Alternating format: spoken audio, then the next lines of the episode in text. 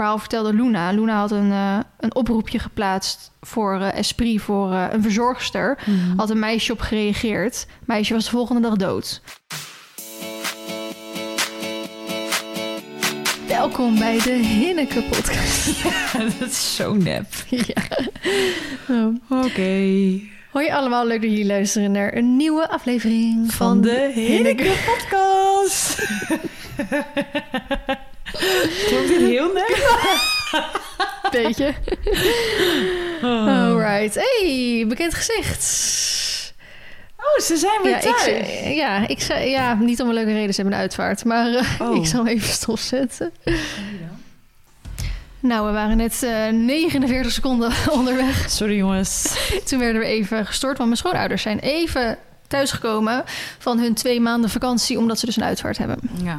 Dus dat is niet een Ik leuke dacht dat ze reden. helemaal in het buitenland zaten, maar ze zitten gewoon nog in Nederland. Ja, ja, maar kijk, zij, zij hadden voorheen een zeiljacht. Ehm, maar die hebben natuurlijk een hoge mast en een diepe kiel. Mhm. Dus daarmee kan je niet overal komen. Dus daarmee gingen ze vaak of richting België of richting de Waddeneilanden of Denemarken. Mhm. Ehm, maar Barbara, van Barbara hoefde dat niet zo meer. Die, wordt, eh, die vindt dat niet zo chill als je over zee en zo moet. Mhm. Dus toen ze dit huis kochten, hebben ze hem verkocht. Want ze hadden Mm. toch zoiets van... ja, de komende twee jaar gaan we natuurlijk vooral verbouwen. Dus dan is het ook een beetje zonde om die boot aan te houden. ja. En hebben ze dus een motorjacht gekocht. Eh, en die kan natuurlijk wel door al die ja, dingen fijn. heen. En En kun je Friesland... gewoon slapen. En, precies, en Friesland en Groningen zijn dus echt van die provincies... waar het dus bijna best wel moeilijk is om met een, een, een zeilboot...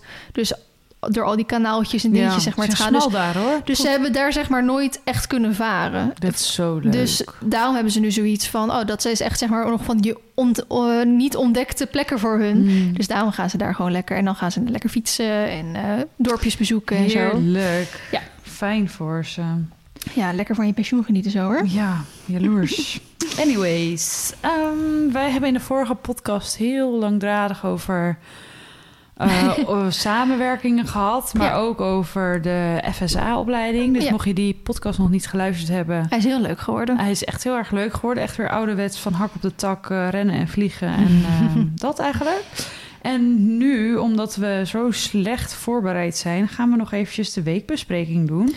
En ehm, starten we met een eh, anekdote. Ik heb er echt zes of zo. Wow. Ja. Jij zei net tegen mij dat je helemaal niet voorbereid was. ik, dus ik, zat is te, ik, had, ik opende hem zo van, oh, heb ik toch nog iets opgeschreven? Maar ik heb best wel wat opgeschreven. Oh, en wat is het? Het anekdote of een eh struggle? Het is een struggle, een, ja, een soort tip, denk ik. Een. Nog een tip en een anekdote. Oké, nou start. zijn er dus vier.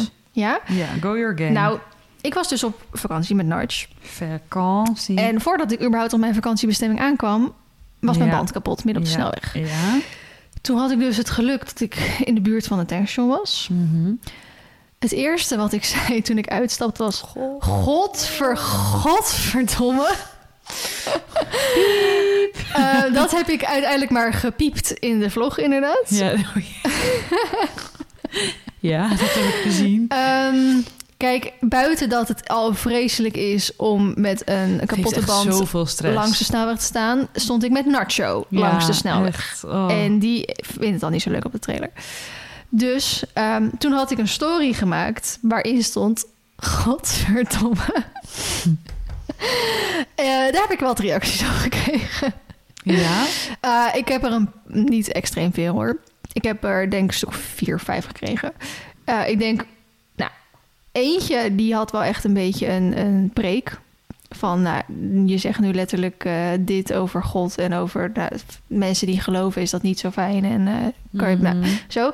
En die andere drie hadden zoiets van, joh, Kom hier dit. ja, van de, de- hoef je toch niet. Nou, iemand zei ook van dit is toch geen reden om zo te vloeken of.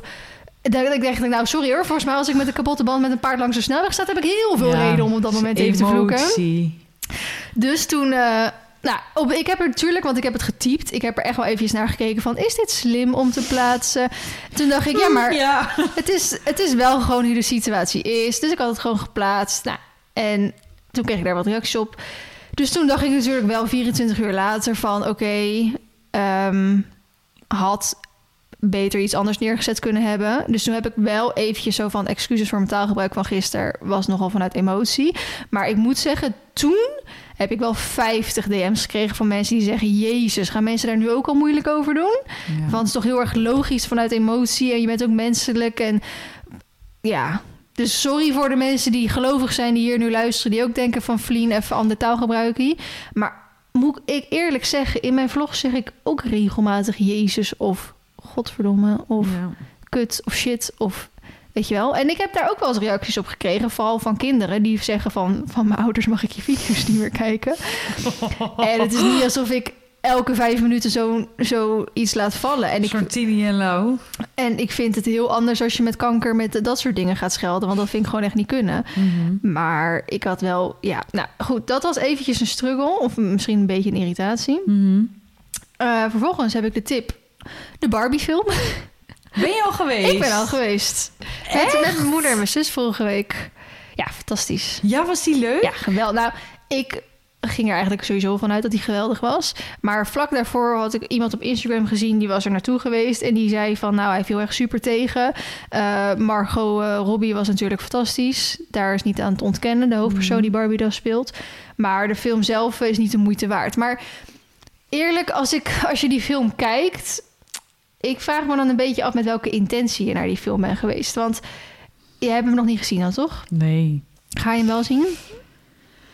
Ik weet niet of ik daarvoor naar de bios ga. Of ik zo, jullie zo ver. Sjoerd die wil ook gaan. Die was echt boos dat ik ging zonder hem. Nee. Dus ik waarschijnlijk ga ik nog een keer met Sjoerd samen. Nee.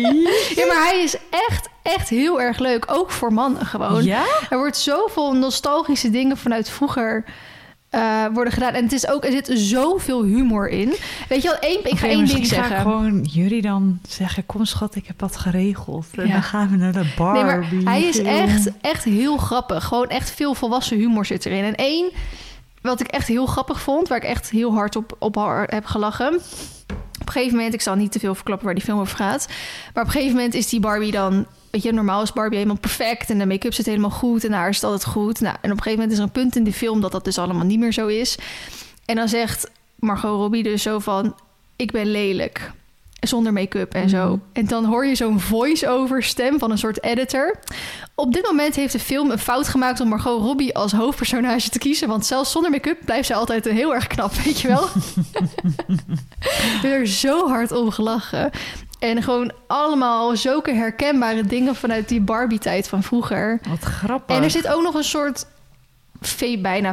Ja, ik hou, ben niet, ik hou niet zo heel erg van dat hele feministische. Mhm. Maar er zit toch een, een kleine, net, net voordat het irritant wordt, zeg maar. Dus nog wel Mhm. van oké, we snappen Mhm. het punt. Boodschap zit erin.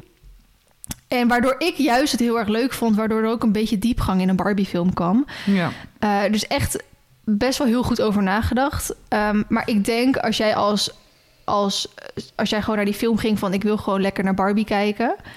En niet zeg maar op zo'n diepgang zit te wachten, dat, je dan, dat hij dan misschien een beetje kan tegenvallen. Maar ik vond juist dat een positieve twist. Dus ja, en weet je, het is bizar hoeveel goede acteurs erin spelen. Ja. Echt naar de een naar de ander zeg je... hey, die ken ik van Sex Education. hey, die zit ook daarin. hey, die ken ik weer daarvan. En, en het is gewoon ook de muziek... want er hebben echt grote artiesten aan meegewerkt. Billie Eilish heeft eraan meegewerkt. Nou, nog heel veel eh, meer. Ze hebben een hele track van Barbie-nummers nu gemaakt. Een heel soort album.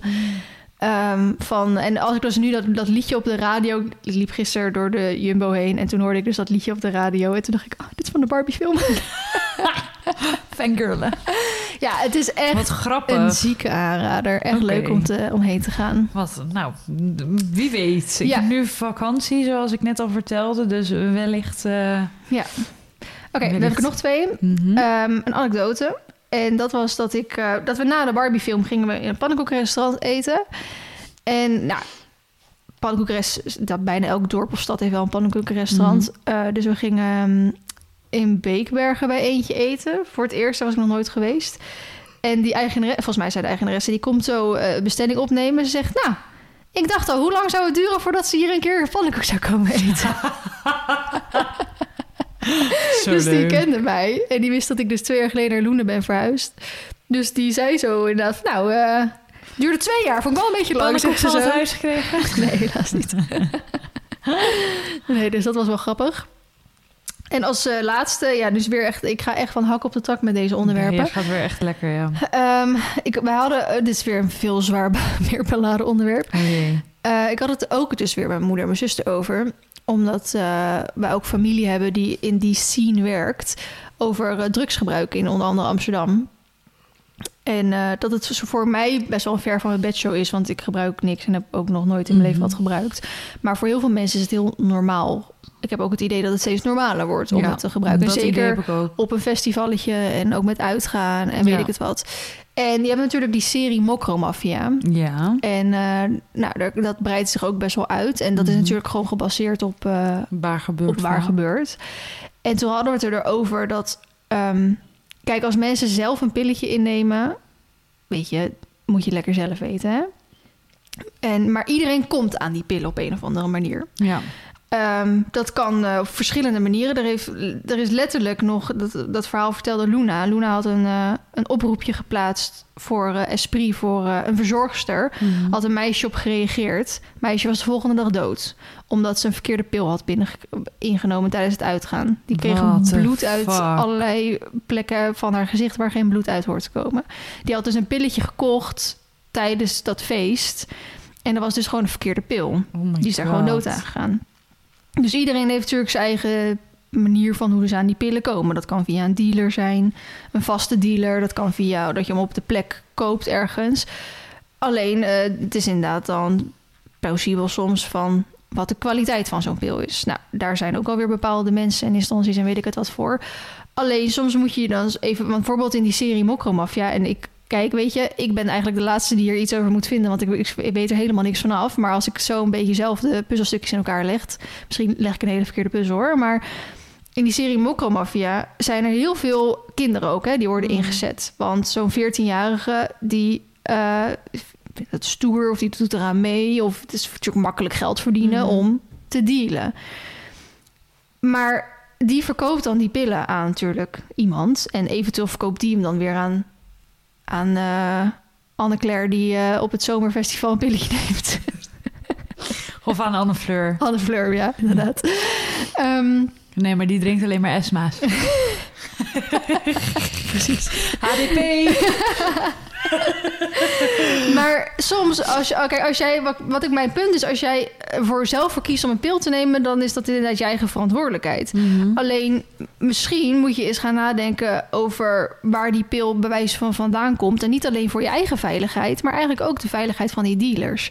Want als ik Mokromafia mag geloven, als je eenmaal begint ermee, dan is het heel moeilijk om eruit te komen. En dan vermoorden ze je hele familie zeg maar uit Ja. eh, als jij daarmee wil stoppen. Ik denk ook echt dat dat echt zo gaat. En als jij, jij, eigenlijk ben jij als eindconsument, werk je daaraan mee. Ja, maar dat is toch ook het hele ding dat ze er nu eh, volgens mij iets van boetes op willen zetten of zo als jij eh, iets gebruikt wat niet mag. Dus dat ze dat nu al bij de eindconsument willen beha- verhalen en niet alleen al bij de De dealer. ja Of of de bij de producent. maker zeg Ja. maar. Ik, ik heb ook ooit een keer gehoord dat, of dat was misschien meer een advies vanuit het, het volk, of inderdaad niet vanuit de overheid of wat dan ook, ook ja, pillen geproduceerd kunnen worden, zodat je ze gewoon veilig kan kopen. Ja. Net zoals sigaretten eigenlijk. Maar ehm, er zijn ook ehm, Ja, misschien coffeeshops en zo, maar Coffeeshops waar ze natuurlijk eerst ge- getest worden. ja. En het ligt er wel aan per dealer of per ehm, persoon waar je het dan vandaan haalt. Of het dus echt veilig is en of het dus getest is. Want je hebt inderdaad ook gewoon pillen met een eh, certificaat, zeg maar, dat dat, eh, dat dat dus allemaal klopt. En nou lijkt het alsof ik er heel veel verstand van heb. Ik heb nog nooit een pil geslikt. Hm. Nog, nee, ik heb nog nooit drugs gebruikt, behalve gebloot voorheen. Maar ik vind het ook heel bizar. En toevallig, en het is heel, ja, ik weet niet, bizar dat jij dit verhaal nu zo ter sprake brengt. Want ik had het er, ik zal niet vertellen met wie. Ik had het er laatst met iemand ook over. En die vertelde dus dat ze ehm, zelfs mensen op een kinderverjaardag erop betrapt had dat die in het bijzijn van de kinderen gewoon cocaïne aan het snuiven waren in de wc. Dat ik echt dacht, Wat er weer Wat met je, de ja. fuck, weet je wel? Eh, waar gaat de wereld naartoe? Wat is het nieuwe normaal? Ja, Ik vind dat heel gek. ja. Ik vind Ik, überhaupt eh, het gebruik van drugs is voor mij al niet normaal. Terwijl dat voor zoveel mensen wel normaal is. Ja en nee. Kijk, ehm, pillen zijn niet goed, maar alcoholgebruik is ook niet Nee, goed. dat- dus ik ja. begrijp op een feestje of op een, of, nou, op een festival, zeg maar, als je een hele dag aan het eh, stampen of zo bent. Ze zeggen wel dat één Dat pilletje het, minder ehm, schadelijk is dan jezelf coma zuipen natuurlijk. Ja. Maar daar is natuurlijk ook, ja... De, het is, het is eh, een overweging die je moet doen. En eh, ik vind het gewoon veel te spannend om zoiets te doen. En ik ben heel verslavingsgevoelig. Dus ik ben bang dat ik hier anders volgende week ook zo aan de pillen zit. Ja, ik, mm, gewoon het idee. Op dit moment zou ik gewoon nee zeggen. Ehm, maar ik vind het inderdaad wel zorgwekkend dat het steeds meer normaal wordt. Maar ja, het wordt ook steeds meer normaal om vanaf je veertiende te zuipen. Hmm. En eh, ja, hands up, want ik heb daar ook gewoon aan meegedaan. Ja. Het was gewoon vroeger stoer en eh, je wilde toch wat proberen. En ik rookte ook al op mijn dertiende. Dat is ook allemaal niet goed. Dat weet ik wel. Maar nu ben ik 26 en besef ik dat. Ja. Snap je? Toen als de 14-jarige Esmee het geweten had, dan... Ik denk dat die het ook wel geweten had. Maar dat, is dan, dat weegt dan niet op tegen Hmm. hoe stoer je wil zijn. Ja, maar vanuit heel, voor heel veel mensen is het ook vanuit nieuwsgierigheid. Want ik heb ook een vriendin en die heeft alles geprobeerd. Gewoon omdat ze nieuwsgierig was. Daar is, Ja. Daardoor is ze achtergekomen dat ze eigenlijk niks chill vindt. Ja. Waardoor ook die nieuwsgierigheid er vanaf is. Ja, En ook dus niks gebruikt of doet als ze ergens heen gaat. nee, ja. Maar ze heeft wel alles om vanuit nieuwsgierigheid wil ze het wel allemaal proberen. Ja, ik heb dat dus niet. Ik zeg alleen houd alsjeblieft bij me weg. Ja, ik Wil ben je daar er ook niks mee te maken van. hebben? Nee. Maar nou goed, dat was voor mij even dat ik dacht... Nogmaals, ik heb hier geen enkele verstand van. Dus misschien heb ik het helemaal mis. Maar ik kan me ergens, ergens bedenken dat sommige mensen wat minder waarde hechten aan welk, wie hun dealer is of wat Mhm. dan ook. En ze dan. Het ligt er ook aan hoe verslaafd je al bent, denk ik. Als je dus een keer zo'n pilletje neemt om het, om het uit nieuwsgierigheid te proberen... dan betaal je liever een tientje extra en weet je zeker dat die gecontroleerd is... Ja, dan dat je denkt, eh, ik sta ieder weekend op een feestje en ik heb geen geld meer... dus geef me maar gewoon die pillen, maakt niet uit waar het vandaan komt. ja precies, absoluut. Ik denk dus, maar het is, ja... het Maar is, ja, eh, je, je werkt dus wel, zon, misschien zonder dat je het door hebt, mee aan de criminaliteit. je en, werkt eh, eraan mee, want ja. het is verboden. Ja, Maar ja, laten we heel eerlijk zijn. Wat, het is ook te bizar voor woorden dat er tegenwoordig gewoon pilletjes in je drankje gedaan worden. oh my god. Ik zag laatst ook zo'n video. Volgens mij was dat zo'n hardstelfeestje. Dat een jongen stond zeg maar met twee handen in de lucht. En in zijn linkerhand had hij een biertje in zijn hand vast. Mhm. En iemand anders uit het publiek loopt gewoon naar dat biertje toe. En achter hem gooit hij gewoon wat in dat biertje. En dat staat op camera. Oh, gewoon een wildvreemde die gewoon gedrogeerd wordt. Dus door een andere wildvreemde. Ja.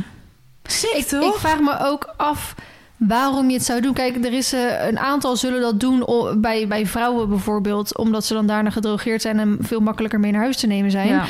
Maar het wordt ook bij heel veel random mensen gedaan. Ja. En heb, heb jij er dan fun aan om te zien hoe iemand anders zonder Ja, weten naar de kloten gaat? Maar oh ja, wat ik nog wel wilde zeggen over dat drugsgebruik. Kijk, nu zo'n meisje die dan dood is na eh, verkeerd pilletjes slikken. Dat komt natuurlijk wel heel groot in het nieuws. Als Ja. in, dat is wel groot nieuws. Maar als je ziet hoeveel mensen aan alcoholgebruik doodgaan Hmm. per dag. Ja, dat is veel norm- normaler Dat dan is weer. veel inderdaad. normaler, ja. Ja. Of aan longkanker door ze het roken. Ja. Ja, weet je, dus... ja, maar misschien omdat dit juist dat nieuw is. beeld is dus al zo genormaliseerd Hetzelfde bij ons. met, met ballonnen en zo. Ja, dat Ja. wordt natuurlijk ook veel groter in nieuws Ja, gebracht. terwijl ze dan ook zeggen... één ballon staat misschien wel... eh, het is alsnog schadelijk, maar ik zeg ook nu maar wat. Maar één ballon staat eh, gelijk aan eh tien flessen wijn. Ik noem maar wat. Mhm. Ja, dan kun je beter een ballonnetje nemen. Ja. Hè? Even zo gezegd. Het is dat, dat... Ja, ik vind er wel wat van. Ja. Maar het is ook niet mijn eh, cup of tea. En ik ben er ook niet zo'n fan van. En ook als ik zelf feestjes geef en ik zie dat er zoiets gebeurt... dan... eh, Is het wel eens gebeurd of niet? Nee, niet bij mijn feestjes. Nee. Ah, maar mensen weten, kennen mij toch? Ja. En dan heb je mij echt verkeerd. Dat weet je zelf ook. Ik vecht niet snel, Ik maar zou ik, het ik bijna- vecht je de echte tent ja, uit. het zou dan. bijna soort van willen dat het gebeurt om, om de, de sensa mee te maken. Ja, maar jij, jij weet dan hoe ik ben. Ja, ja. En dan Maar maakt het me niet het uit wie je bent, niet- hoor. Het- het- eh, ik, ik vind het wel grappig, ook als je dan, als ik naar mijn eigen vriendenkring kijk, je kiest echt je mensen erop uit. Ja. Zover ik weet natuurlijk, eh, is er bijna niemand in mijn vrienden die, die roken, die drugs gebruiken, die dit en dit, dit doen, weet je wel? Ja, ik denk dat je daar dan toch sneller afstand van neemt. Ja, Als dat wel... Als Ja, je je, hebt gewoon andere normen het, en waarden dan. ehm, heb ik het idee. Ja, ik denk dat je dat inderdaad heel goed omschrijft zo. Ik denk dat dat het inderdaad een beetje is. Maar jij bent ook, jij hebt niet het type vriendin die eh, ieder weekend op een festival staat of ieder weekend kats naar de kloot is Nee. of eh, zichzelf helemaal. ik heb een paar vriendinnen die vooral die of roken of eh, op feestjes roken. Mhm. En dan ook altijd als ik ze zie roken, zeg ik altijd: Gadverdam, stop eens even. Dus ik ben, ook, ik ben ook die vriendin die gewoon constant er wat van zegt. Ja, grappig hè? Maar Ja. ik, vond het ook grappig met mijn verjaardag toen hier bijna niemand dronk. Maar ook al omdat heel veel natuurlijk met de auto weer naar huis moesten. Maar dan Ja. zie je ook wel weer hoe een, een, een feest toch verschillend kan zijn. Omdat Ja. je andere... Ja, omdat je vrienden ook gewoon andere intenties op een Prio's, eh, verjaardag, prio's ja. hebben inderdaad. Ja, klopt. Ja, Ja. ik ben benieuwd hoe dat straks met mijn verjaardag gaat zijn. Ja. Nou, ik denk ook wel wel zoiets. Ik denk niet, ja, nou ja, al mijn vriendinnen die niet uit de buurt komen, die moeten natuurlijk of allemaal terug nog met de auto, of eh, Ja. dus die moeten wel Mhm. boppen en dus niet drinken. Maar, ja, maar soms is eh, het best wel vaak natuurlijk dat er gecarpoot wordt... of inderdaad met partner of zo. Dan is er vaak dat eentje drinkt en eentje niet. Ik, zei, ik was gisteren bij Sophie. en Sophie is een vriendinnetje van mij uit Soest. Ze is toevallig twee of drie weken geleden ten huwelijk gevraagd door een vriend. En ik Oh, kreeg leuk. dat filmpje. En ik moest janken, jongen. Ik moest zo hard huilen. Ik had het zo niet zien aankomen. Oh. Echt. Oh, dus we, ik ging gisteren even op de koffie bij om even te horen. Hoe is het, eh, weet je wel. Toen zei ze, heb je nog verjaardagswensen? En toen zei ik, nou, weet ik eigenlijk niet. Ik heb wel weer zo'n verlanglijstje gemaakt, Oh, weet slim, je ja. wel. Eh, dat ik daar in ieder geval weer wat dingetjes op zet. Want ik heb wel wat dingen wat ik wil hebben. Maar het zijn vooral grote dingen dat ik denk... ja, ik kan niet van één iemand dat verwachten. Maar misschien iedereen... Wordt er onderling wel ja, wat eh, precies. Dan geregeld. staat er in ieder geval op. En dan als je geld geeft, dan weet je ook waar het naartoe gaat of zo. En ehm, toen zei ik ook... eh, ik zeg, je komt wel op mijn verjaardag, toch? Ze zei, ja. En eh, Martijn bopt, hoor. dat heb ik Alles geregeld. ik zeg, oh, wat gezellig, meid. ja, dat zijn wel van die vriendinnen die ik altijd mee naar de kroeg nam... en waar wij, Oh, ja. waarmee ik naar een feestje ging of wat dan ook. En we hoeven ook... mm, Nou ja, zij is wel zo'n type die zich helemaal klep kan zuipen... maar op een positieve manier. Mhm. Dus je hoeft haar niet weg te... Nou, ik zal het afkloppen. het zal maar gebeuren dat het nu wel gebeurt. Je hoeft haar niet weg te dragen... maar ze kan wel aardig Door, wat eh, alcohol nuttigen. Ja. Maar Oh, ik gewoon vind dat altijd zo wel- gezellig. Ik vind, dat, ehm, ik vind het aan de ene kant moeilijk van... oh, oké, alcohol maakt gezellig. Maar ja, aan de andere kant is het natuurlijk wel soms zo. Ja, maar het ik vind ligt er het- wel aan type mensen inderdaad. Ja, maar het is inderdaad... Ik vind het wel altijd, dat heb ik ook in het verleden meegemaakt... echt zo intens respectloos... als je op iemands anders verjaardag echt naar de tering gaat. Ja. Dat, Ik heb ja. wel eens mensen gehad die gewoon kotsend naar huis gingen. Dat Ja. ik echt denk, en nu? Ja. Wat, nou heb je, wat heb je nou in je leven bereikt? Ja, ik heb ook vroeger snap echt dat eh, niet. ouders moeten bellen van joh, kom je, Ja, kom je kind maar even ophalen. Want eh, Of naar huis moeten brengen op mijn eigen verjaardag, weet je wel? Dat je denkt, hoe dan? ja. Dat het, Maar zoals aan- met een verjaardag of met een bruiloft... als jij naar de kloten je hotelkamer ingaat met je bruiloft... vind ik het nog tot daaraan toe. Maar als jij je gasten... Mm, dat die het zover. En kijk, eh, natuurlijk, want je hebt altijd kanttekeningen. Bij mij is ook wel eens een biertje zo verkeerd gevallen dat ik Mm. vol over mijn gier heen ging. Dat ik dacht, wat is dit? Weet je wel? Of dat je twee wijntjes drinkt op een nuchtere maag. Nou, dan sta ik ook op mijn kop. maar dat zijn de uitzonderingen. Je hebt ook gewoon van die mensen die gewoon naar een feestje gaan om het zuipen. ja. En die gewoon denken, nou, gratis avondje alcohol nuttigen. Ik neem het er even flink van.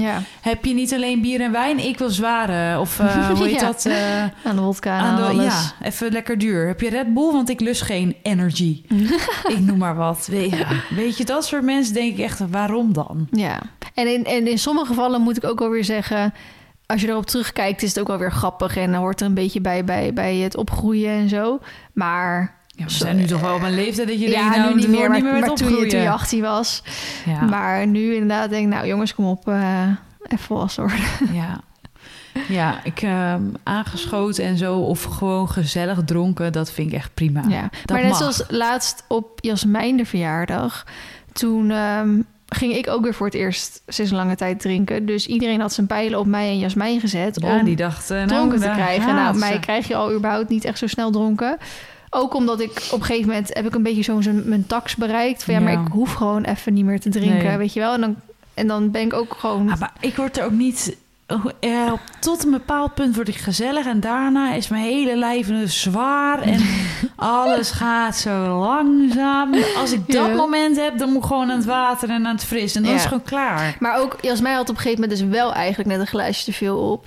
En die zat ook, die heeft denk ik, toen we eenmaal in die club waren aangekomen, echt een half uur gezeten bij de garderobe. Omdat ze zeggen, ja, het gaat gewoon even niet goed. Ja. En die hebben echt even water moeten laten drinken. En Ja. weet je wel, totdat ze een beetje zo kwam. En toen zei ze ook, van, ja, eigenlijk was het helemaal niet leuk. Want Nee. mijn verjaardag. En dan zit ik er zo bij, weet je wel. Dus Maar soms heb je ook dat stukje grens, ga je dan net op, voorbij. Ik heb bijvoorbeeld wel eens gehad. Als ik aan denk, moet ik weer heel hard lachen. Ik ben wel eens met Jules en eh, mijn ex uit eten geweest. Bij La Cubanita. En daar Mhm. drinken ze altijd die, schenken ze altijd die grote cocktails, toch? Na één cocktail, ik stond op mijn kop gewoon. ik moest naar het toilet toe, ik kon gewoon niet meer opstaan. ik was zo naar de kloten. Gewoon van één cocktail, maar gewoon niks gegeten. En dat sloeg erin als een bommetje. Dus we hebben zo hard gelachen. En het was nog niet zo'n kantelpunt, maar je merkt gewoon als er dan nog een cocktail bij in had Ja, ging had ik uit. echt de verkeerde kant op gestaan. En nu was het nog zoiets van, ja, ja. dit is nog een mooi verhaal voor later. Zoals Mhm. nu, als ik daar dan aan terugdenk. Ik zie, ik zie mezelf ook gewoon weer zo aan die tafel zitten. En dan, als er wat op tafel kwam, heel hard lachen. Ik was echt, ja, het was gewoon, ik was zo aangeschoten. dat je denkt, hoe is het mogelijk? Maar dat kan natuurlijk ook gebeuren. Maar als het inderdaad zo'n kant als bij Jasmijn opslaat, dan is het ook niet meer leuk. Nee. Dan doet alles zeer. ja. ja, maar dan ook omdat, omdat zij dan de jarige was, ga, ga jij dan, gaat iedereen Ja. er zo ook omheen zitten van we, Ja. we hopen dat je zo snel mogelijk beter bent, zodat we Ja. met z'n allen iets leuks kunnen doen. Dan voel je ook een soort van, Ja, ja, zij voelde zich in ieder geval heel erg schuldig. maar ja, het was haar verjaardag, dus helemaal prima. nou, Nou, dat waren eigenlijk mijn eh, dingen. Ik weet niet of jij nog iets hebt voordat we even kijken. na een half uur overgaan naar eh, de week bespreken. Zo, ja. Eh, woensdag. Woensdagavond hadden we de verjaardag van mijn vader. Oh ja. En wij waren de week ervoor, dus vorige week donderdag, waren we uit eten met ik, Jury, papa en Lorenzo. Want toen was mama jarig. Mhm. En we willen het er een beetje als gezin inhouden dat we dan ieder jaar op haar verjaardag uit eten gaan. Dus dat deden we dit jaar ook. Dus papa zei toen van ja, ik ben volgende week jarig. Komen jullie dan ook eten? En toen zei ik ja, dat is goed. Dan komen wij ook wel naar jou, weet je wel. Zegt hij ja, ehm, jullie zijn dan niet de enige. Ik zeg oh, wat dan? Ja, ik heb de hele familie uitgenodigd. Ik zeg, ja, wat? Ja, Esmee, tot hoe laat moet jij werken? Want kun je anders middags komen om eten te kopen, koken? Ik zeg, ja, voel even je voorhoofd, joh, grabjas. Zeg, eh, staat de chefkok op of zo? Ben je maar gek geworden? Ja, maar er komt zoveel volk en ik red het dan niet. Ik zeg, dan ga je de avond van tevoren maar. Ik dacht, ik ga even stoken, weet je. Ik zeg, dan ga je de avond van tevoren maar koken. Ik zeg, of je neemt een dag vrij. Ik zeg, jij nodigt iedereen uit. Ik zeg, jij bent jarig, ga ik niet verzorgen. Ik woon daar niet meer. dan kan je eens lekker stoken, weet je wel. Mhm. Ik zeg, nou ja, maar ik ga niet koken. Dat, sowieso niet. Ik zeg, jij nodigt iedereen uit. Dan had je daar van tevoren over na moeten denken. Ja, ja, dan wordt het gewoon Chinees, hoor. Ik zeg, ja, dat is dik prima. Mhm. Als jij zoveel geld uit wil geven, ik zeg, moet jij weten. Ik zeg, prima. Dus eh, woensdagavond eh, of dinsdag eh, belde papa mij. Ja, hoe laat zijn jullie en jij hier morgen? Ik zeg, ja, pap, weet ik veel. Jullie moet werken, zit in de laatste week voor zijn vakantie. Teringdruk. Ik zeg, ik weet het niet. Ik zeg, als er file op de A1 staat, ik zeg dan pas rond een uur of zes, half zeven. Ik zeg maar, wij gaan niet voor vier uur weg, weet je wel. Mhm. Oh ja, oh ja, ja. Ja, oké. Nou, eh, zorg maar dat je er op tijd bent. Ik zeg, ja, maar hoezo dan? Ja, ja, gewoon, dat vind ik fijn. Toen dacht ik ook, ik voelde bij al hangen, weet je wel. Jij hebt nog niks voor elkaar. ik kon daar woensdag. Alles lag vol met hondenharen, dus er was nog niet stofgezogen. Die oude liep nog in zijn kloffie. Er was niks klaargezet. Ik trek de koelkast open. Er was geen geen taart of iets in huis. Geen chipje of wat dan ook. Ik zeg, ja, Jezus, pap. Ik zeg, hiervoor moest ik zeker eerder komen, hè? Ja, ja, ja we, gaan toch Chinees eten. Ik zeg, ja, maar een toetje of een gebakje bij de koffie? Ja, dat ben ik vergeten. Ik zeg, ja, rot op. Ik zeg, dat ben jij niet. Jij bent gewoon lui. Ik zeg, het is hier echt een huishouden van twee mannen. Ik zeg, ik kan het gewoon zien. Toen begon het natuurlijk weer. Nou, en ehm, ik dus uh, stofzuiger door het huis heen gehaald. Jury uh, buiten de tafels neergezet. Want we kregen echt gewoon 15 man over de vloer met ons erbij, weet je wel. Dus het was wel zoiets dat je dacht, ja, moeten we, even moeten we ergens zitten ook, ja. ja. Ik snel naar de hoofdlied geweest om uh, taart en alles te halen. Nou, de hele shabam kwam natuurlijk eten. Hij had toevallig wel bier en fris koud gezet. Dus dat was dan alweer een meevaller. Toen heb ik s'avonds um, twee rijsttafels of zo en een um, Indonesische rijsttafel mm. gehaald. Uh, met z'n allen gegeten. Nou, toen begon natuurlijk al, het, het bord was leeg. Ja, uh, Wim, heb je toetjes? Uh, heb ik niet, heb ik niet. Ik zeg, nee, ik zeg, hij heeft helemaal geen boodschap gedaan. Nou, die hele tafel, weet je wel, ik moest zo lachen. Maar ja, ik wist natuurlijk wel dat ik slagroomsoezen en tompoezen en boterkoek en dat soort dingen gehaald had. Dus ik ging koffie maken. Dus ik kom met die, met die spullen op tafel. Ja, dus tenminste eentje die goed voor ons zorgt, weet je ja, we hebben een super gezellige avond gehad, maar merkte met mijn hoofd dat het wel te druk was. Mm. Ik kon het helemaal niet aan aan zo'n tafel en dan tegenover iemand zitten die mij vragen ging stellen. Oh, yeah. Op een gegeven moment zei ik gewoon: vraag me niks, ik ga eten, weet je wel. En ik was gewoon helemaal. Je bent zo dood. In ja, helemaal met mijn eten bezig en even gewoon de, de filter in mijn hoofd is gewoon weg. Dus alle drukte om mij heen, dat filtert zich niet meer naar... Hmm. Dat is gewoon, ik hoor alles. Hmm. Fucking bizar is dat. Dus dat is zo... Ben je zo snel moe. Ben je helemaal naar de getver. Maar het was zo gezellig ook weer. Omdat ik vind met het de wel hele schattig familie... dat, uh, dat je vader gewoon wel iedereen uitnodigt Ja, dan. ja. Maar, Maar, maar hij ik vindt dat ook zo gezellig. Ja. Hij geniet daar zo van. Ja, en ik weet niet of ik dat wel eens in de podcast heb verteld, maar ehm, iedere woensdag wordt er bij ons, eh, niet bij ons, maar bij met oom en tante met de hele familie gegeten. Echt? Oh, leuk. Ja, iedere woensdag kun je bij hun aanschuiven. En soms is dat dus bij papa ook wel eens. Ik heb ook wel eens gekookt. Of bij mijn andere oom. Maar mijn vader komt uit een gezin van drie. Dus een, hij heeft een zus en nog een broer. En we best eten... close dus. Sorry? Ze zijn best wel close dus. Nou, voordat mijn moeder overleed, niet zo. oh, oké. En het is eigenlijk een beetje daarna ontstaan... om in ieder geval de familie een beetje bij elkaar te houden. Ja, oh, wat leuk. Dus iedere woensdag gaat hij daar standaard eten. En je mag aanschuiven wanneer je wilt, als je maar eventjes een appje stuurt. En nou, dat wordt dus ook echt eh, gedaan. Dus iedere woensdag eten hun dus samen. Hmm. En vanuit daar was het natuurlijk dus perfect dat hun ook bij ons op woensdag kwamen ja, ja. eten.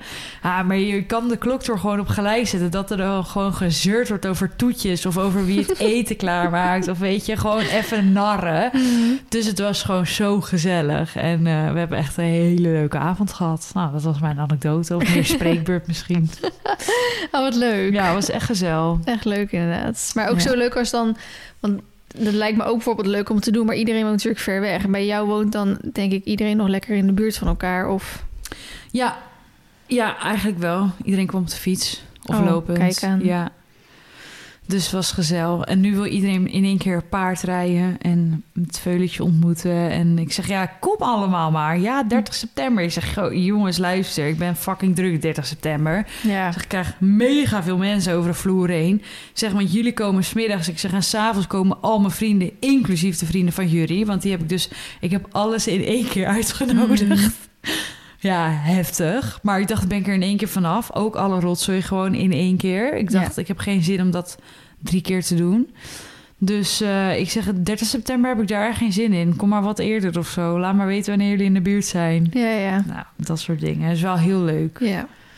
Ja, mijn familie kun je natuurlijk niet kiezen, maar het is wel fijn als je het gewoon gezellig met ze hebt. ja. En Dus, soms moet je het eh, ook een beetje gezellig maken. Ja, nou, dat was eh, zo woensdag dus. Ja. Dus het was leuk. Het was helemaal, eh, ja, was echt leuk. ja. Papa Ja. genoten, dus dat is wat positief. Als we het dan toch over familie hebben... want ik had het met jou ook van de week ergens over... toen wij samen pannenkoeken gingen eten. Mhm. Want mijn moeder was natuurlijk hier geweest toen ik zo ziek was. Mhm. Ja. En daarna dus mijn moeder en mijn zus kwamen daarna. En nu Mhm. komt mijn vader dus. Nou, die is er dan nu. Zonder dat dat afgesproken was. Ja. dus eh, we zien elkaar niet zo heel veel. Maar toen eh, had ik het erover. En ik, mam, ik hoop dat je de podcast niet luistert op dit moment. En anders, I love you. maar als je eenmaal uit huis bent... En ik merk ook wel als je ouders ouder worden... Mm. dan... Nou, ik zal niet zeggen dat er dan irritaties komen. Maar als je dan weer even een paar dagen met elkaar bent... dan gaan er dingen je opvallen waarvan je denkt... oh, dat viel misschien als kind nooit op. Mm. Of dat hebben ze pas inderdaad later hebben ze dat ontwikkeld. Ze zeggen ook toch vaak... Ja, je hebt zo'n zo'n spreekwoord of gezegde... maar dat je eigenlijk met familie niet langer dan drie dagen met elkaar moet zijn... want daarna wordt het ruzie, zeg maar. Oh, Daar- dat daar- weet ja, ik niet. Daar, ik, iemand zei dat laatst tegen Ik heb me. het met is er- 24 uur. Oké, misschien moeten ze dan drie uur neer. nee, drie dagen was die grens. Maar ehm, mijn moeder heeft er dus een handje vol van om achter alles wat ik zeg, wat te zeggen. Of, oh nee, hè, Hè? hè. Ja. Als, elke keer als ik wat zeg, hè, Ja. ik kan daar zo slecht tegen. ja, maar omdat je dus al daar een strukkel op hebt... gaat het je nog meer opvallen. Ga je Ja. nog meer irriteren. Ja, en vreet je helemaal op. Dus toen heb ik echt wel... Ik heb het volgens mij wel eens eerder tegen moeder gezegd. Maar ja, dan zie je elkaar weer maanden niet. Ja. Dus dat ik op een gegeven moment toen het dus me net... Want eh, het, verge- ik vergeet het ook weer, hè. En dan ben ik weer met, met mijn moeder. En dan na, na een paar van die hes valt het meer op. denk ik, oh ja, dit was hetgene Oh ja. waar ik me aan irriteerde. Dus heb ik ook op een gegeven moment tegen haar gezegd van... Mam, heb je door dat je naar alles wat ik zeg, hè, zeg? En ook als ze wel heeft verstaan wat ik zeg. Mhm. En dan... Hè? Is ja, gewoon, ja... ze zegt het voordat ze er eigenlijk over nadenkt. En dat zegt ze zelf ook. Dus toen ze met mijn zus hier was, hebben mijn zus en ik er echt op gehamerd bij haar. Als ze dan hè Arme zegt, zeg ik, wat zeg je? of als ik een keer haar niet verstond en ook iets wilde zeggen, dan zeg ik, wat zeg je moeder? Oh. maar gewoon, vroeger leerde je altijd als kind om met twee woorden of zo te spreken, of drie woorden van eh, wat, wat Ja, maar zegt die u? oudere generatie heeft dat gewoon niet geleerd. Nee. Die zegt gewoon, hè? Ja, En dan net zo wat harder, weet je, hè? ja. Vreselijk. Dus wij hebben echt met mijn moeder er echt op gehamerd. Van, man, je moet er echt mee stoppen. En het ging ook wel beter op een gegeven moment. Of ze werd er echt bewust van op het moment Mhm. dat ze hè zei... dat ze dacht, oh, eh, sorry, wat zeg je? Of Ja. iets in die richting, weet je wel. Maar toen had ik het er met jou dus over... dat je kan je irriteren Mhm. ergens aan... maar je ook wel hoe ouder je wordt... hoe meer je beseft dat ehm, tijd je niet gegeven is. Ja. En dan, dan denk ik altijd op het moment dat ik voor me aan mijn moeder irriteer... of aan mijn vader of aan mijn, wie dan ook... en zij zullen ook andersom natuurlijk prima een keer irritatie zijn bij mij... dan denk ik ook van ja, maar ik kan me nog irriteren aan mijn moeder. Dan Ja. denk ik altijd van, nou, Esmee kan dat bijvoorbeeld niet eens meer. En soms denk ik inderdaad ook van... joh, zij hebben gewoon lekker hun eigen leven. Ja. Ik heb lekker mijn eigen leven. We moeten dat ook een beetje geven en nemen van Ja. elkaar. En we hoeven, het hoeft allemaal... We wonen niet meer in één huis samen. Gelukkig niet. dan, dan, het moet ook allemaal... Weet je, soms dan heb ik echt wel zoiets dat ik denk... nou, pff, dat eh, hoef je... Dan inderdaad hoef je hier niet langer dan drie dagen te zijn... als het op Nee. deze manier gaat. Drie uur. Maar dan, moet ik, dan zeg ik ook echt letterlijk in mijn hoofd tegen mezelf... van joh, Vlien, volgens mij moet je gewoon blij zijn. Ja. Dat ze überhaupt zeuren. hier zijn. Ja. Dat jullie alle op überhaupt... Dat ze hier nog mogen dat ze zijn. hier nog mogen zijn. En ehm, ik had het... Ik zag dat... Ik weet nog niet of dat in die Barbie-film was. Volgens mij wel. Ehm, had, want daar was, waren dus ook moeder en dochter... die een beetje clinchten. Maar dan echt omdat het ook een puberdochter was. En die zei ook van... Ja, moeders blijven stilstaan... Mhm. zodat kinderen kunnen kijken hoe ver ze gekomen zijn. En dat vond ik een hele mooie uitspraak. Want soms Ja. dan denk ik wel eens van... joh, ga eens even mee met de tijd. Of eh, kom op, eh, snap je toch wel dat het zo werkt? Of zo Mhm. en zo.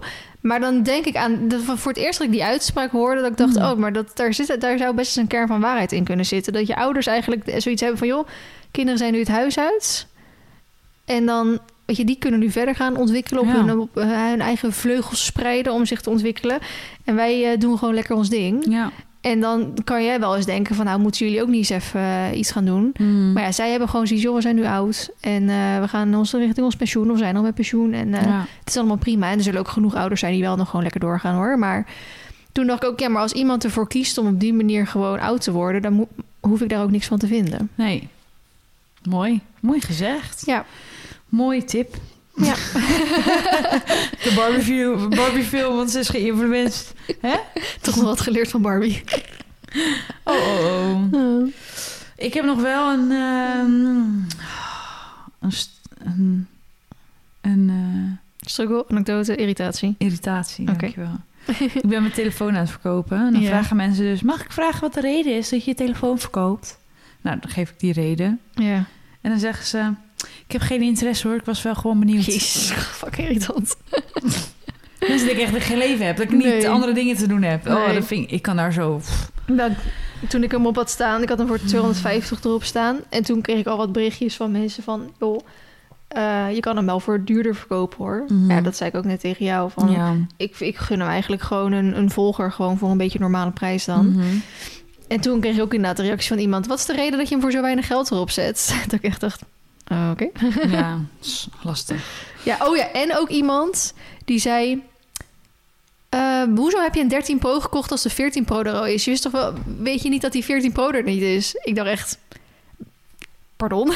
Denk je dat ik dom ben of zo? Ja. Ik bedoel, als, als ik op zoek ben naar een nieuwe telefoon... dan is het eerste de laatste versie die eruit komt, hoor... waar je mee om je oren wordt geslagen. Maar ehm, eh, waarom heb je nou de 14 Pro niet gekozen dan? Gewoon eh, het prijsverschil. Oh ja. Ik heb de 1 terabyte gekocht, ja. dus die is nogal duur. ja. En eh, ik heb toen op Tweakers gekeken... Mm. En eh, we hebben toen een eh, we- website gevonden. Was gewoon bol volgens mij uiteindelijk. Daar was de 1 terabyte 13 Pro even duur als de 500 gig 13 Pro. ja. En als ik de 1 terabyte 14 Pro wilde, was die gewoon 400 euro duurder. En ik heb er al 1200 euro voor betaald.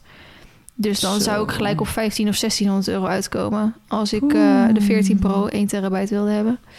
Dus dat vond ik maar echt dus sla niet je alles op op je telefoon Ja. dan? Want ben jij niet bang dat als je telefoon niet meer aangaat... dan ben je dus gewoon alles kwijt? Nee, ik ben ik niet bang voor. Nee? Nee. Nee, ik heb dat nog nooit in mijn leven meegemaakt. Dat, eh, dat je telefoon het helemaal niet meer gaat Of doen. als die gejat wordt? Ja, maar daar ben ik ook niet zo bang voor eigenlijk. Ja, ja daar ben ik dus allemaal Oh, niet bang daar voor. ben ik dus wel heel bang voor. Ik ben minder bang daarvoor dan dat mijn irritatiegehalte hoog is... dat ik niet bij al mijn foto's elk moment van de dag kan. Want dat heb ik toen ik eh, een paar iPhones geleden... toen deed hij dat automatisch synchroniseren naar de iCloud volgens mij... Mhm. En als ik dan een foto van een jaar geleden even wilde zoeken, dan kon ik daar dus niet bij. Dan moest ik hem eerst helemaal van mijn iCloud gaan afhalen. En dat vond ik fucking irritant, want dan was de kwaliteit zo achterlijk slecht. Dat, dat, eh, dat vond ik gewoon irritant. Hmm, Oké. Dus ik heb het inderdaad nergens op staan. Want de 13 Pro heeft dezelfde camera als de 14. Weet ik niet. Ja, Ja, ik wel. Ik heb wel onderzoek gedaan. maar niet als de 14 Pro, toch? Nee, de 14 Pro is drie keer beter dan de 14 en de 13 Pro. Ja. Maar ja, ik vraag me ook altijd weer een beetje af wat hij zegt. Drie keer beter. Ja, het is al... Ja, het is is al 12 heel goed. megapixel is die van ons, van ons beiden. Die Mhm. van jou en die van mij. En die 14 Pro is 48 megapixel. Hmm. Bizar? Ja. ja, maar goed, ik vond het dus niet, eh, ik vond het niet het geld waard. Eerlijk gezegd. Snap ik, rip uit mijn lijf. Waar is de tijd gebleven dat je voor 500 euro een nieuwe telefoon Hallo, kopen? ik wil terug in de tijd van Blackberries. Schat, wat is je ping? En welke heb jij nu dan? 14 Pro. Ja, 14 Pro. Ik heb hem nu nog niet in, in gebruik. Ik moet hem nog alles overzetten. Want je had inderdaad die 14. Ja, ik had de 14. Nog Maar ik wilde lang, de toch? allerbeste camera. En dat is de 14 Pro. Ja. En ik vond de 14 Pro Max veel te groot. Ja, die vind ik ook te groot. dat is net een halve koelkast. Ja, en ik kon ook wel wachten tot... Want volgens mij in september komt dan weer de 15 Ja, uit. oktober. Maar ze hebben het over iets vertraging. Dat de 15 uitkomt. Toen dacht ik, ja. Ja, ik had daar dus ook geen zin op te wachten. Het is, denk, het is nu zomer. Ik wil nu leuke foto's maken overal Ja. van. Dus dit was al een hele upgrade van mijn... Want ik had een 11. Ja, had Nog. ik hiervoor ook. Dan is het echt een dag en nacht verschil. Ja. En nu dacht ik, als ik dan toch helemaal mijn bedrijf ga professionaliseren... in zover het kan natuurlijk... Mhm. nieuwe camera. Ik dacht, eh, weet je, dan wil ik eigenlijk ook gewoon het beste van de iPhone. Ja, ik snap het wel. Aan de ene kant, qua foto's is dit gewoon nu echt al Prima. prima. En ik film toch eigenlijk bijna niet met mijn telefoon, nee, zeg jij maar. niet. Ik Nee, wel heel ja. veel. Ja, Dus toch ik- nog. Ik pak daar dan gewoon de vlogcamera voor. Ja. Dus voor die paar keer dat ik wel film met mijn telefoon... dan is, dat, is de kwaliteit nu echt prima. Ja. ja, groot gelijk. Dus ik vond het, eh, het geld niet waard. Nee, snap ik. Het is ook echt heel duur. Ja, en vooral omdat ik dus een 1 terabyte wilde hebben. Dat is helemaal... Ik heb gewoon 128 gig. Nee, dat kan niet bij mij. Maar ik heb dus alles op mijn iCloud staan. Ja. Dat wel. Maar als jij dus nu een foto wil hebben... dan moet je er weer helemaal van afhalen. Nee, ik kan gewoon... eh, Als je naar je galerij gewoon gaat. Ja? Nou, dan ga ik naar mijn bovenste foto. Ik had in ieder geval toen dat hij echt eh, Hij laat gewoon direct. ziek slechte kwaliteit was en dat ik hem ook niet meer kon openen en zo. Nee, ik heb gewoon alles nog. Nou, niks aan de hand. Maar goed, voor ik heb niet genoeg aan 128 in ieder geval. Nee, en dan kost het inderdaad ook veel meer als je dan eh, zoveel wilt. Ja. Lastig. Ja. Oké, we gaan door. Hoeveel minuten zitten we? 45. Jeetje, Mina. Ehm, Ja, ik zal even kijken. Ik heb denk ik niet... eh, we hebben het natuurlijk al heel uitgebreid over de FSA gehad. ja, Ik heb voor de rest, nou ja, die vakantie met die paarden gehad. Maar dat eh, heb Dat ik lekker uitgebreid, uitgebreid op YouTube de- natuurlijk. ja. Eh, nou, mijn moeder en mijn zus zijn geweest. Ehm, voor de rest heb ik eh, mijn trailer... Ik heb vier nieuwe banden eronder laten ja, zetten. heb je ook eh, gedeeld in de vloggie. Yep. En ik ben met Nartje wezen crossen. Voor de eerste keer bij Snorrewinds. En ehm, ja, dat ging eigenlijk echt bizar goed. Maar dat is Mhm. ook in de vlog geweest. Toen ben ik lekker een dagje naar Anissa geweest. Want die stond hier eh, op de Ja, camping met kids. Kids zijn zo cute. Echt zo. Maar ook leuk, want ik had ook op mijn story gezegd... Alexis wordt nu... Die is nu vier uit mijn hoofd. En die heeft dus nu die leeftijd dat ze... ehm, Nou ja, je, je gaat vertrouwen. En daarmee bedoel ik mee... Ik, ik zag haar natuurlijk al van... Ik, ze was acht uur oud. Toen was het de Mhm. eerste keer dat ik haar zag. Maar ik ben natuurlijk niet heel veel in hun leven Mhm. Elke keer zit er een paar maanden tussen. Dus elke ze, ze vertrouwt me wel vanaf moment één. En ze weet wel dat ik zeg maar leuk ben. Maar elke keer als zij mij weer zag, moest ze weer even aan mij wennen, toch? Weet je wel? Want dan ja, had ja, ze nog even zoiets van: wie is dat ook alweer? Ja. En dan moest ze weer even wennen van: oh, dat is Feline en dat is goed. Mhm. En nu had ik eigenlijk voor het eerst, of misschien voor de tweede keer, dat, dat ik kwam en ze gelijk wist wie ik was. En, Ja. en ook niet alleen qua uiterlijk, maar ook wie ik ben, weet je wel. Ja. Dus dat ze gelijk zei van, oh, kom met me spelen of kom leuk dit. Of eh, vertellen of iets laten zien of een knuffel of een kus of een weet je wel. Dus ik, het is heel grappig om die grens mee te maken van, Ja. omdat ik er dus, ik, ben, ik zie ze maar één keer in de zoveel maanden. Dus elke keer was het weer opnieuw dat ze verlegen was of weet je wel. En dan moest ze echt loskomen. En nu was het gewoon meteen. Zo leuk. Dat, en dat, dat vond ik heel erg leuk om, eh, om te zien. En ook met eh, die andere twee heb ik lekker geknuffeld en ge- gedanst en gezwommen en gedaan. Eh, ja, en voor de rest bij de Friese Academie geweest. En dat was het. Dat was, gisteren was Nartje een jaar van mij. ja, ik dat is zag het enige het. nog. Tijd gaat snel, hè? Dat was eigenlijk alles van de afgelopen twee weken. Even kijken. Ik ben naar Veulenveiling geweest. Mhm. Dat was echt heel grappig. Of tenminste, gewoon dat je denkt, hoe is het allemaal mogelijk, weet je wel? Wat gaat hier Ja. tering veel geld in om? ja, dat. het is weer een hele nieuwe wereld. Eh, wacht, ik pak even... Maar gewoon voor de fun, toch? Om te kijken. Ja, ja, gewoon voor de fun. Ik ga eventjes eh, kijken vanaf wanneer wij... eh, Ja, precies twee weken geleden op vrijdag. Ja. Tizzy is opnieuw naar de Hoefsmid geweest. Die hebben we gewoon bekapt in de wei. Zonder, in, zonder stal of gewoon eh, zonder extra handen. Die was gewoon super braaf. Ik was echt heel erg trots. Fijn. Dus dat hebben we gedaan. Die was dus voor de tweede keer. Ehm, wij hebben ehm, rolluiken gekregen op de slaapkamer. en Oh, op de, ja, op de, in de studio, zeg maar. Heel fijn. Het is nu zo lekker donker bij ons. Ik slaap zoveel beter. Echt heerlijk. Ehm Baloo is bij de tandarts geweest. Kwam Mhm. niet heel veel geks uit. Als in geen chockerende dingen. Ehm, maar ik moest natuurlijk... Ik had normaal Jessica van Soest. Want die kwam altijd bij... ehm, vanaf Stal Boshuis heb ik haar al. Ze heeft toen ook al Isa gedaan. Dus dat is ook al wel wat langer.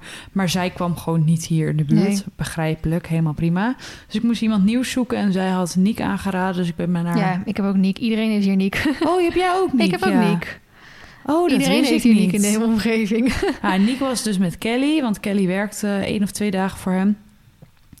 En Kelly is ook de dierenarts, dus die spuit dan. Ja, en klopt. eh, dat is Hij doet, hij, dus ze komen altijd met z'n tweeën inderdaad. Ja, Want ja. zij doet dan spuiten en Ja. samen doen ze de gebitten. Ja, echt helemaal super. Ja. Zo'n leuk gozer. Maar ook fijn. Ik, ja, ik kan altijd heel gezellig met hem, met ja, hem ik kletsen vond en het praten. echt top. Maar ik vind het ook leuk, want ze kijken ook even bij elkaars werken, weet je wel. Van nou, Ja. wat vind je ervan? En zus en Ja. zo vind ik ook heel fijn. Ja, vind ik ook fijn. Dus heb je eigenlijk twee professionals die het dan zeg maar gecheckt hebben. Vond ik heel chill. Vond het echt. Het gaat eh, ook best wel een beetje lopende band, maar dan op een positieve manier. Ze gewoon heel goed op elkaar ingespeeld. Ze weten gewoon, ja. hup, chop en Wat door. ik ehm, spannend vond, want ik had gebeld voor een afspraak. Eh, want ik had ze natuurlijk het liefst bij mij op stal gehad. Maar ze komen niet naar stal voor één paard. Oh nee, klopt inderdaad, ja. En ik begrijp dat heel goed. Laat ik dat echt super voorop stellen. Want anders voelt het een beetje negatief wat ik dan ga zeggen. Maar het is wat je zegt. Het is lopende bandwerk. Dus als zij voor één paard bij mij moeten komen met twee personen. Mhm. Ja, dat is zonde van hun tijd. Ja. Want ze verdienen zoveel extra geld met bewijs van drie paarden in Ja, een ze uur komen dan. veel op grote stallen ook. Ja, dus er was gevraagd dat ik dan naar de stal in de buurt wilde komen. Dus Ja, ik dacht, ja, heb ik ook met Nacho oké, toen de eerste keer oké, ehm, nou, doe ik, weet je wel. Maar ik had zoveel stress om het laden op de terugweg. Omdat de laatste keer dat ik met sedatie had geladen... was bij het SMDC. Dat ze Mm. absoluut die trailer niet op wilden. Dat ik echt dacht... "Ah, straks gebeurt dat weer. En ben ik weer terug bij af. En heeft ze misschien sedatie Gekoppeld. aan de trailer ja. gekoppeld. En oh, ik was mezelf helemaal aan het druk maken. Maar ik dacht ook, die stal was zo dichtbij. In geval van nood had ik lopend naar huis Oh, gekund. ja, ja. Wel langs de 80 weg, maar ik dacht, de mogelijkheid is er, weet je Ja. wel. Dan, eh, dan regelen we wel wat. En anders gewoon wachten vaak, toch? Tot de sedatie ja, ja, uitgewerkt ja, is. dat had ook nog gekund hoor. Maar ja, omdat ze toen hebben we ook gewacht tot de installatie was uitgewerkt. En ze Oh, wilden gewoon ja. echt niet laden. En ik snap echt wel dat dat twee jaar geleden is. Maar ik merkte gewoon dat het In je hoofd zat. in, zo erg in mijn hoofd zat. Dat ik dacht, oké, het- het maakte ook niet meer uit wat voor ander plaatje ik ervan maakte. Dus van het weekend ben ik nog weg geweest. Kon ik er voor het eerst alleen laden zonder touwen en alles. Dat plaatje zat ook in mijn hoofd. Maar het plaatje van het met acht personen, vier longeerlijnen en vier sedaties laden bij het SMDC... dat staat echt in mijn hersens geprint. Mhm. Dat is bizar dat dat zoiets negatiefs zo Impact heeft, ja. bizar. Voor haar, maar ook voor mij. Dus we gingen naar de, eh, naar de stal toe, waar ik dan heen moest. En ze sprong echt de trailer op, die mij dacht waarschijnlijk dat we lekker gingen springen. Ik vond het zo zielig. Maar ik kon er gewoon alleen laden en hups. Nou echt, met zo'n sprongetje sprong ze zo die trailer op. Ik dacht, oh, het arme kind, die weet echt niet wat er, wat er nog gaat gebeuren. Maar bij Nico ook super braaf. Maar ze, had wel, ze heeft altijd heel veel verdoving nodig. Toen zei Mm. Kelly... Ja, maar dat zien we wel vaak bij deze afstammingen, weet je wel. Nou, er zit natuurlijk heel veel bloed in wat dat betreft. Dus ze zei, ja, het valt me niet, eh, dat is vrij normaal. Dus is behandeld. Toen heb ik nog wel eventjes gewacht totdat ze gewoon weer op de been was. Mhm. Want ik dacht, dan ben je er met je hoofd ook meer bij. En gewoon zonder touwtjes weer kunnen laden. Oh, er was fijn. gewoon niks aan de hand. Helemaal alleen kunnen laden. Dat ik echt, nou, moest nog net niet huilen. Zo Ja, blij ja. was ik. Zoveel stress om niks. Oh ja, echt hoor. Dat je dan denkt, oh, kun je jezelf er wel weer druk om maken. En dan, dat is echt bizar. Dus ik was blij dat dat ook eh, achter de rug was. En ze hoeft pas over tien maanden weer. Dus dat valt mee. Ja, fijn. Ja, en ik ben zelf bij de tandarts geweest. Ik was dus Ook, ook... verdoofd en in de trailer. ik was dus bang dat ik naar de kaakchirurg moest. Mijn ehm ehm verstandskies komen door. Oh, Ja. vervelend. En mijn linker... Heb je vier? Ja, Oh. ook nog. Linker onder verstandskies. Ja. Die groeit niet zo. Oh, die groeit scheef. Die groeit zo. Oh, tegen de rest aan. En dat voel ik en dat weet ik, dat dat dus niet helemaal de goede kant op groeide. Maar het ding is, ja, misschien een vies verhaal. Daar gaat natuurlijk resten daartussen zitten. Want er zit een, een gat tussen de... eh, ja, omdat die dus 45 graden scheef groeit en dus tegen mijn andere kiezen aangroeit... zit daar gewoon een, een, een, een holletje. Dus ik Mhm. zei ook van ja, ik weet het niet. Iedere avond doe ik helemaal flossen en helemaal netjes schoonmaken. En weet je, echt, ik ben er heel erg druk mee en gefocust op dat ik dat zo goed mogelijk hou. Maar ik wil echt niet naar de kaarsje. ik vind dat zo erg. Oh, gewoon het idee. eh, dat, nee, oh, ik word helemaal naar van. Maar goed, het moet dus. Hoefde niet. Oh. Nee, ik had geluk. Hem nog even laten zitten. Nog, ja, maar Nou- moet het een, een keer dan? Weet je wat het is? Hij zegt, mijn vrouw heeft precies hetzelfde. Die is al 60. Die heeft er nog nooit last van gehad. Hmm. Hij zegt, het is natuurlijk altijd een risico. Maar verstandskiezen zijn altijd een risico. Ja. Hij zegt, ik ga toch ook niet tegen jou zeggen... ik haal je blinde darm eruit... want de kans is aanwezig dat hij gaat perforeren... en dat je een buikvliesontsteking krijgt. Klinkt lekker. En, ja, maar dat is dus hetzelfde. Je hebt een blinde darm, dat kan ook gaan ontsteken. Ik heb hem overigens niet meer. Is hetzelfde als met zo'n verstandskies. Ik zeg maar, als ik dan moet... Doe jij het dan? Zegt hij, nee, absoluut niet. Mij veel te moeilijk hoe dat er bij jou bij ligt. Dacht ik, god. Ik zeg, kan ik dan naar het ziekenhuis doorgestuurd worden... dat ik onder algehele anesthesie ga? Nee, dat doen ze niet. Ik zeg, kun je daar ook geen doorverwijzing voor maken? Nee, dat kan echt niet. Toen dacht ik, oh, fuck, hé. Dat is wel jammer. Maar Ja. voor nu, ik heb een extra spuit meegekregen... om eventueel nog met eh, mondspoelingen daar ook echt te spuiten. Het zag er super netjes uit. We hebben een extra foto gemaakt. Ook dat zag er allemaal prima uit. Dus ja, tuurlijk is het een beetje afwachten... maar het kan bij iedereen die verstandskiezen heeft... dan Ja. Voorlopig laat ik hem lekker zitten. ja, als je er geen last van hebt, dan ja, nee, ik heb er nu geen last van. Behalve dat ik er dus extra werk aan heb met flossen en zo. Ja. En met de boel netjes houden. Nou, als Mhm. dat het enige is, dan heb ik er prima voor over. ja. ja, je hebt zulke wisselende verhalen. Meestal horrorverhalen inderdaad. Van, ja, ik vind gewoon de geluiden en zo vind ik gewoon heel, heel relaxed. oh, nee, Van het boren en Oh, het trekken. En Uh, ik kan daar, nee, ik ga daar heel slecht op. Dus dat eigenlijk, dat wilde ik nog vertellen. Ehm, nou, nieuwe telefoon had ik natuurlijk verteld. En ehm, zometeen ga ik lekker naar huis toe, want ik heb met mijn beste vriendin afgesproken. Die komt eh barbecuen. Het zonnetje schijnt ja, eindelijk. trekt een beetje over. En we gaan samen lekker eventjes naar de paarden toe. Dus daar heb ik helemaal zin in. Oh, en dan ga ik lekker genieten van mijn vakantie. Ja, lekker meid. Ja.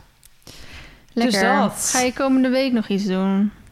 Komende week, Behalve vakantie komende vieren. week, komende week ga ik naar... Wat ga ik doen? Wat ga ik doen?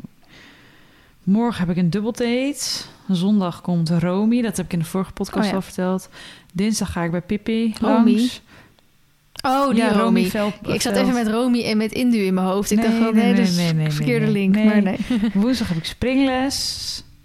Zaterdag heb ik de verjaardag van mijn broertje. En maandag gaan wij... Op, nou ja, officieel gaan wij dinsdag pas naar Normandië. Maar ik weet niet of dat we maandag of dinsdag gaan rijden. Hmm. Wow, maar dan zijn je moeder, je vader en je broertje echt vlak achter elkaar jarig. Ja. Wat een feest altijd. Ja, dikke vissen. Ja. En jij? Ik ga morgen naar eh, CSI Beekbergen. Men eh, Oh. wedstrijd hier zo in Beekbergen. Een lekker eh, thuiswedstrijdje. Zondag, ook heel grappig, heb ik dus ook een barbecue. Maar dan met het eh Vlien Hooi team. En dat was, hebben we vorig jaar voor het eerst hier gedaan. En dat bestaat uit best wel veel mensen. Ehm, als in, ik zal even kijken. Ja, ik weet natuurlijk wel redelijk uit mijn hoofd wie erin zit. Maar dat, dat, we hebben ooit een groepsgesprek. Want we hebben ook de naam is er soort van half naar vernoemd.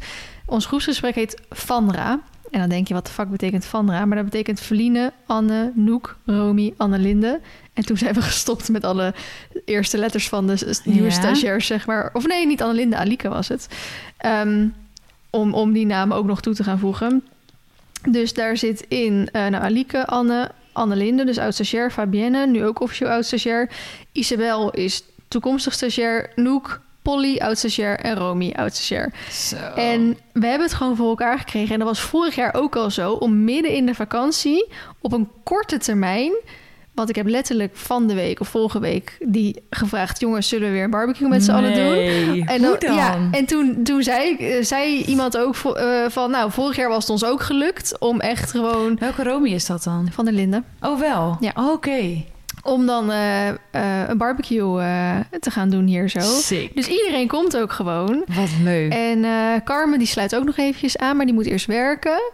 En Car en Fab blijven dan slapen, want we gaan de volgende dag Ax ophalen. Ah. En dan moeten we terug naar Breda toe. Dus vandaar dat ze even blijven slapen. En daarna ga ik dus dan eh, twee dagen of drie dagen naar Zeeland toe... om dus nog een aflevering van Inspiratie Huisvesting serie op te nemen... waar ik dus eerst Marley mee naartoe zou nemen... omdat we dan naar het Mhm. strand gaan. Maar ik heb er dus voor gekozen nu om Mar toch niet mee te nemen... omdat ik gewoon... Ik twijfel zo erg over Ja. hoe die loopt. Ja. En het is gewoon zo lastig, want hij, ik zie er aan qua benen, zeg maar, zie ik er niks aan. Mhm. Qua overganger zie ik er ook niet echt iets aan. Ehm, maar Qua lostrekken ook niet. ja, god, nou, hoe die zich lostrekt en dan zelf rondje door de bak heen, zie ik er al helemaal niks Nee. aan. Maar qua buiging vind ik hem niet fijn. Want vroeger kon ik hem zo lekker lang, laag, actief longeren. Mhm. Maar het is niet eerlijk om hem nu te, te, te vergelijken met toen hij vroeger midden in zijn training zat. Ja. En we hebben hem natuurlijk heel veel rechtuit getraind de afgelopen maanden. Eh, buitenritten met mennen, met nou, wandelen en zo. En ik heb hem bijna niet in de bak getraind.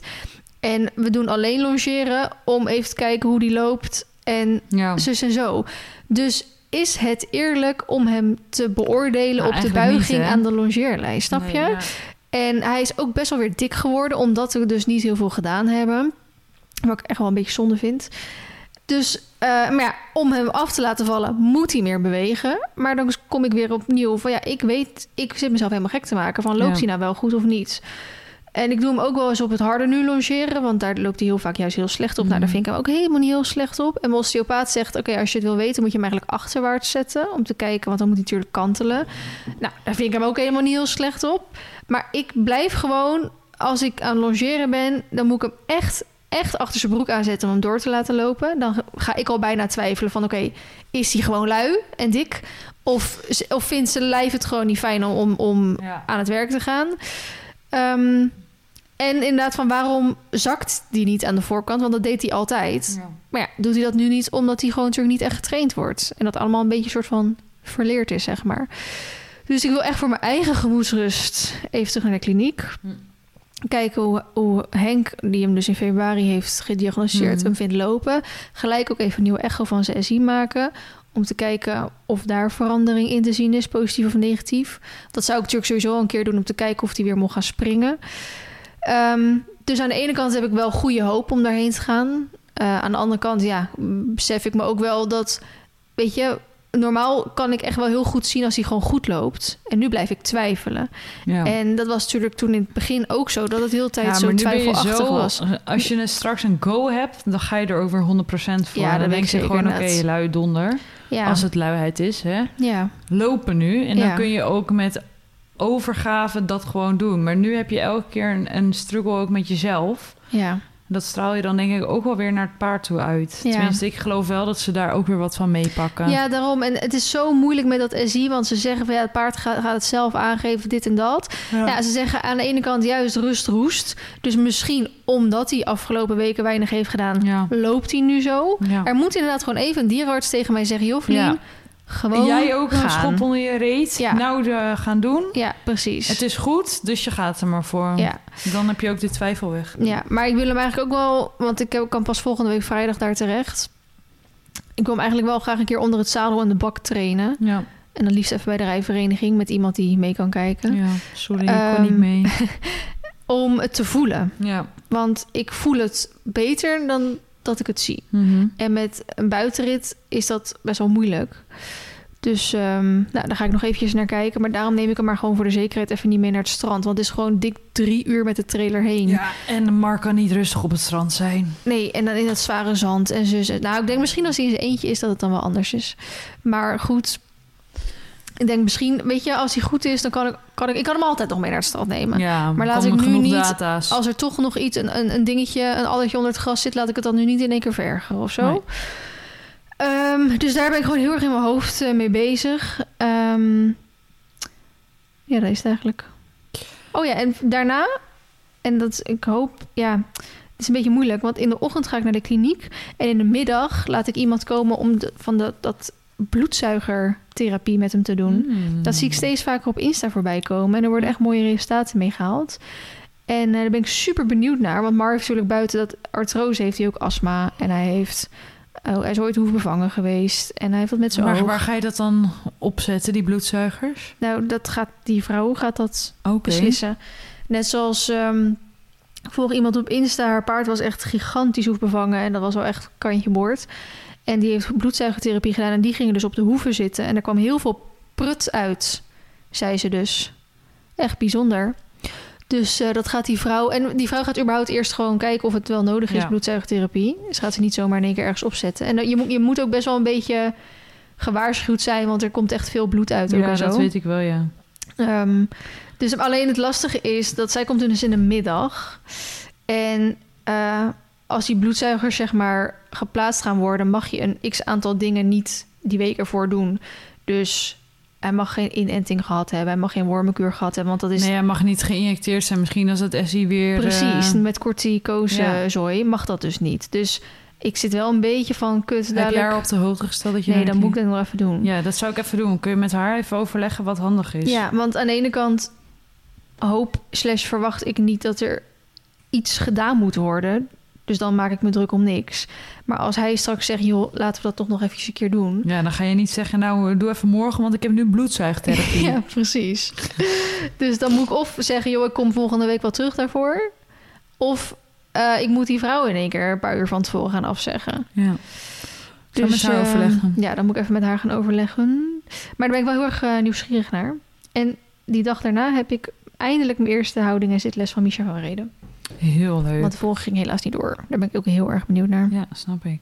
Zin in. Spanning. Nou, dat we gaan afsluiten. Yes, weer lekker uurtje.